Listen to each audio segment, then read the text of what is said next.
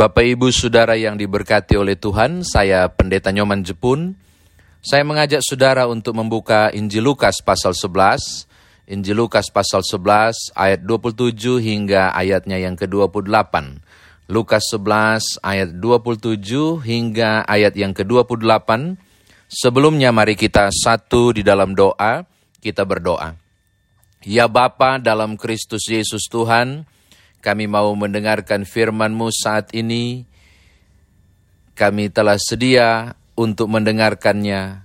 Kami membutuhkan hikmat untuk memahaminya.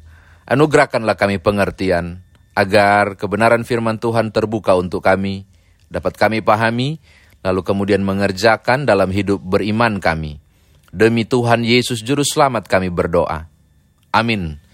Injil Lukas pasal 11 ayat 27 hingga ayatnya yang ke-28 berbunyi demikian. Ketika Yesus masih berbicara, berserulah seorang perempuan dari antara orang banyak dan berkata kepadanya, Berbahagialah ibu yang telah mengandung engkau dan susu yang telah menyusui engkau. Tetapi ia berkata, Yang berbahagia, ialah mereka yang mendengarkan firman Allah dan yang memeliharanya. Demikian firman Tuhan, saudara dan saya dikatakan berbahagia jika mendengarkan firman Tuhan ini, merenungkannya, memberitakannya, istimewa melakukan dalam kehidupan beriman kita. Bapak Ibu, Samuel Sam uh, dia adalah seorang motivator bertangan satu dari Australia. Dia pernah berkata begini, janganlah mencemburui kebahagiaan orang lain, sebab engkau sungguh tidak tahu apa-apa tentang semua yang telah ia jalani. Janganlah mencemburui kebahagiaan orang lain, sebab kamu sungguh tidak tahu tentang apa semua yang telah ia jalani. Bapak Ibu Saudara kekasih dalam Tuhan memang benar pernyataan dari Sam Cautron ini dari Australia ini karena manusia ini memiliki beragam dimensi, bertumpuk pengalaman, dan berbagai hal berbeda dijalani. Tidak semua sama. Satu foto menampilkan banyak cerita, tetapi tidak semua gambar mewakili semua kisah hidup. Sehingga belum tentu apa yang kita lihat, kita mampu untuk merasakan, kita mampu kemudian membuat kesimpulan. Hal ini yang dialami oleh seorang ibu. Tidak disebutkan siapa dia, Ketika Yesus mengajar dengan penuh kuasa, menyampaikan firman dengan otoritas yang ilahi, yang luar biasa.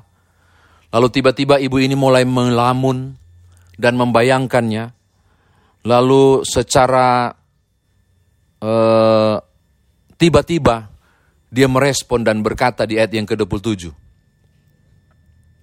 Berbahagialah ibu yang telah mengandung engkau dan susu yang telah menyusui engkau. Wow, itu ekspresi yang mengagumi, itu ekspresi yang dikeluarkan dengan ketulusan karena melihat pribadi yang besar ini, Yesus Kristus seorang rabi, seorang guru mengajar dengan penuh kuasa, bahkan otoritas ilahi.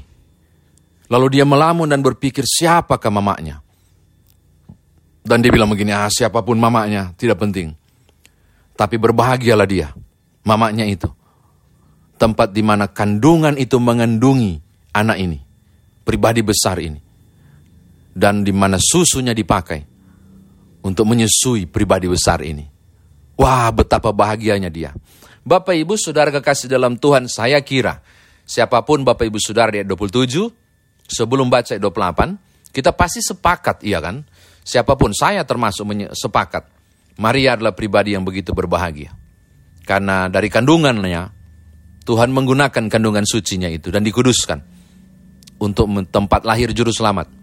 Dan bagaimana air susunya dipakai untuk memelihara dan membesarkan Yesus hingga saat itu. Dari kecil dipelihara melalui air susunya.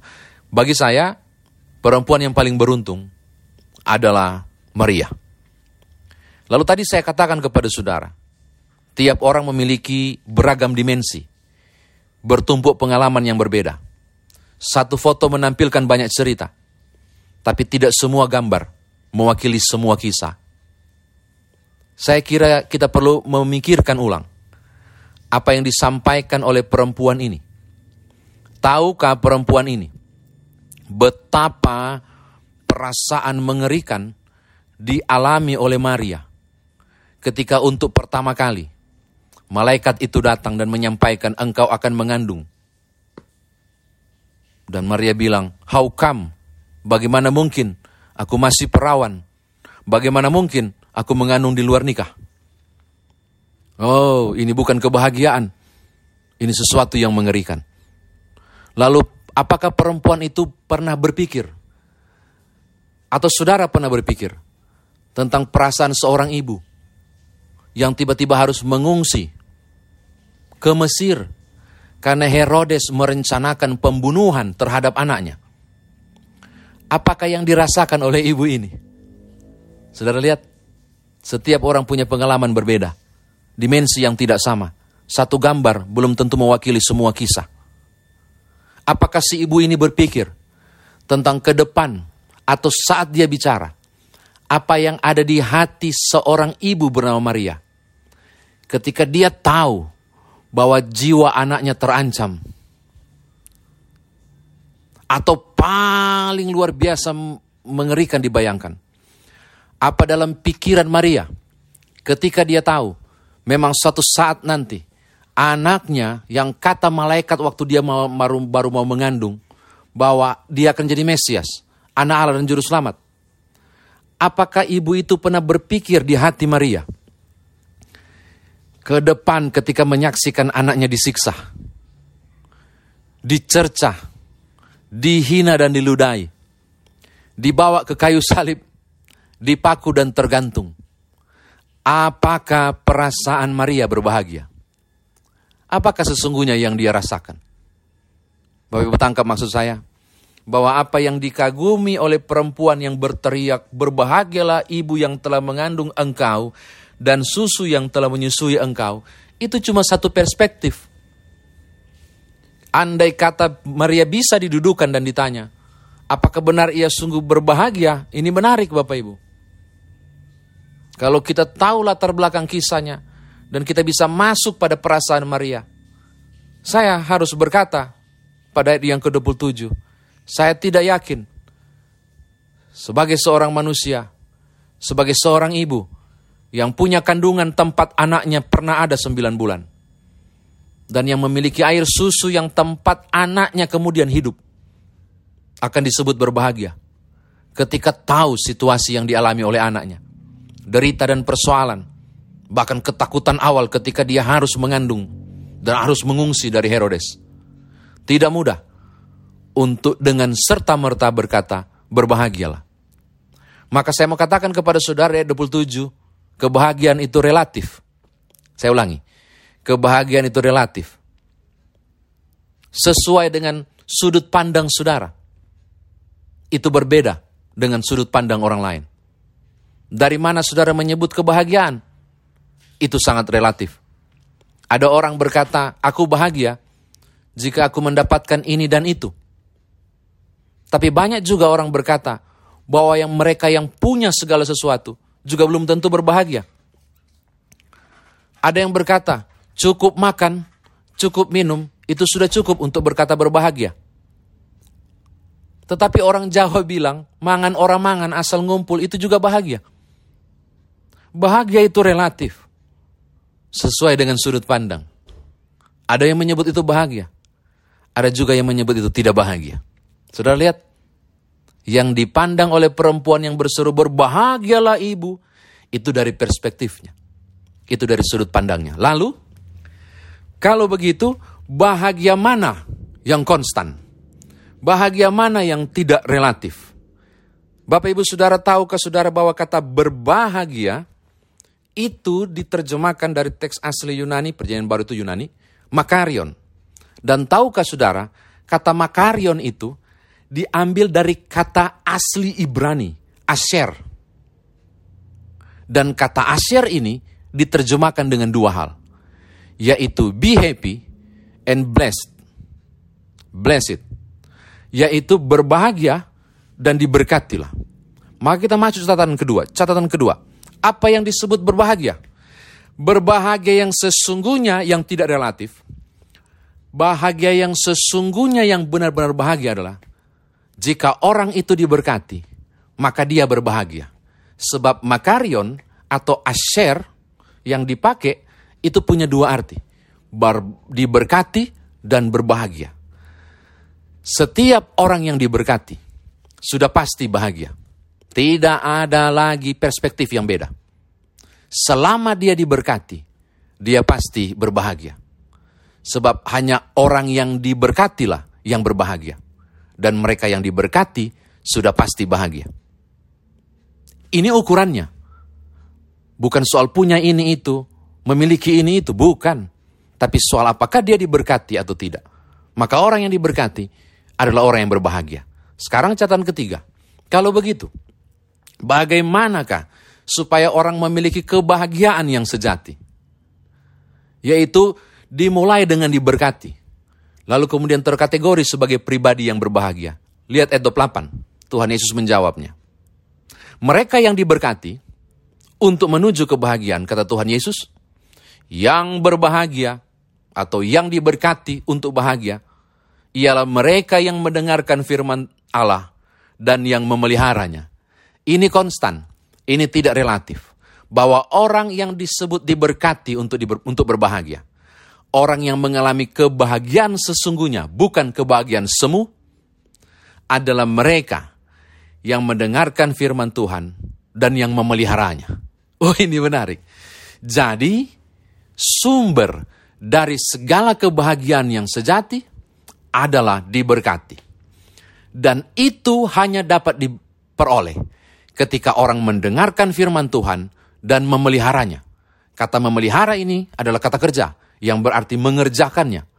Maka siapa pun yang disebut berbahagia dan kebahagiaan itu tidak bisa dirampas oleh situasi dan kondisi apa pun dengan berbagai pengalaman-pengalaman apa pun hanya satu yaitu mereka yang mendengarkan firman dan mengerjakannya saudara dan saya disebut berbahagia kata Yesus saudara dan saya mendengar firman dan mengerjakannya bukan soal apa yang saudara alami bukan soal pengalaman-pengalaman bukan soal situasi tapi ketika engkau diberkati engkau berbahagia dan cara satu-satunya adalah mendengarkan firman dan mengerjakannya. Saya kira demikian firman Tuhan ditafsirkan bagi kita. Nah sekarang bagaimana kita bawa dalam kehidupan beriman kita. Saya katakan tadi Bapak Ibu, kebahagiaan itu relatif. Itu tergantung sudut pandang siapa pun yang memandangnya. Saya mau katakan kepada saudara, ini juga sangat penting. Bahwa tidak semua orang yang saudara lihat dengan kacamata saudara, sesuai dengan apa yang saudara anggap. Sebab satu foto menampilkan banyak cerita. Tapi tidak semua gambar mewakili semua kisah. Apa pun yang saudara lihat dan saudara pikirkan, belum tentu itu yang dia alami dan dia rasakan. Kebahagiaan itu semu Bapak Ibu, kalau diukur secara duniawi. Sudah dapat level tertentu di perusahaan, oh sudah bahagia, belum tentu. Sudah dapat anak, Oh belum tentu itu bahagia. Sudah menikah atau tidak menikah itu relatif, belum tentu kebahagiaan. Sebab yang menentukan kebahagiaan bukan apa yang saudara alami. Saya katakan ulang, yang menentukan kebahagiaan saudara bukan soal pengalaman saudara. Tiap orang memiliki dimensi berbeda dengan tumpukan pengalaman yang tak sama. Tidak semua yang dialami dan dimiliki oleh orang lain dapat diukur sebagai ukuran kebahagiaan. Ini penting. Ini penting. Saya mau katakan ulang. Pengalaman saudara, situasi saudara, kondisi saudara. Kalau saudara sebut bahagia, itu barangkali kebahagiaan semu. Itu bukan kebahagiaan sesungguhnya. Sebab kebahagiaan tidak ditentukan dari pengalaman. Kebahagiaan tidak ditentukan oleh situasi dan keadaan. Ada orang yang sakit sekalipun, dia mampu berbahagia. Dan ada orang yang cukup bahkan berkelimpahan segala sesuatu. Belum tentu dia bahagia. Jadi penting sekali. Ini hal yang pertama. Hal yang kedua dan yang terakhir. Apakah saudara ingin memiliki kebahagiaan yang konstan? yang tidak tergantung pada situasi, tidak tergantung pada suasana, tidak tergantung soal saudara menerima atau tidak menerima, Apakah saudara ingin memiliki kebahagiaan yang sesungguhnya? Ayat 28 adalah kata kuncinya. Orang hanya disebut berbahagia jika ia diberkati oleh Tuhan. Saya ulangi, saudara dan saya hanya mungkin disebut berbahagia jika engkau diberkati oleh Tuhan. Dan salah satu-satunya ukuran orang diberkati, satu-satunya ukuran orang disebut diberkati untuk kemudian berbahagia, ayat 28 bilang, Berbahagialah mereka yang mendengarkan firman Allah dan yang mengerjakannya atau memeliharanya.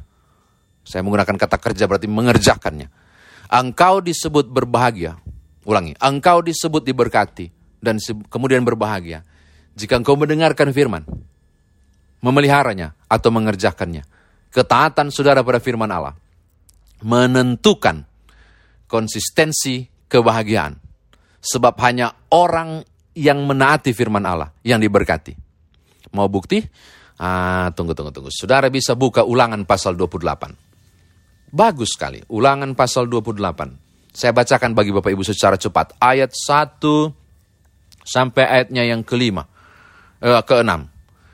Ulangan pasal 28 ayat 1 sampai 6. Saya baca secara cepat menutup khotbah ini. Mengapa saya bilang mereka yang mendengarkan firman melakukannya disebut sebagai orang yang diberkati untuk kemudian bahagia. Lihat ya. Jika engkau baik-baik mendengarkan suara Tuhan Alamu dan melakukan dengan setia segala perintahnya yang kusampaikan kepadamu pada hari ini, maka Tuhan Alamu akan mengangkat engkau di atas segala bu, muka bangsa eh, segala bangsa segala bangsa di bumi. Segala berkat ini akan datang kepadamu dan menjadi bagianmu jika engkau mendengarkan suara Tuhan Alamu, mendengarkan dan mengerjakan perintah Allah. Toh? Lihat dia, ini, ini dia. Diberkatilah engkau di kota, dan diberkatilah engkau di ladang. Diberkatilah buah kandunganmu, hasil bumimu, dan hasil ternakmu, yakni anak lembu sapimu, dan kandungan kambing dombamu. Diberkatilah bakulmu, dan tempat adonanmu. Diberkatilah engkau pada waktu masuk, dan diberkatilah engkau pada waktu keluar.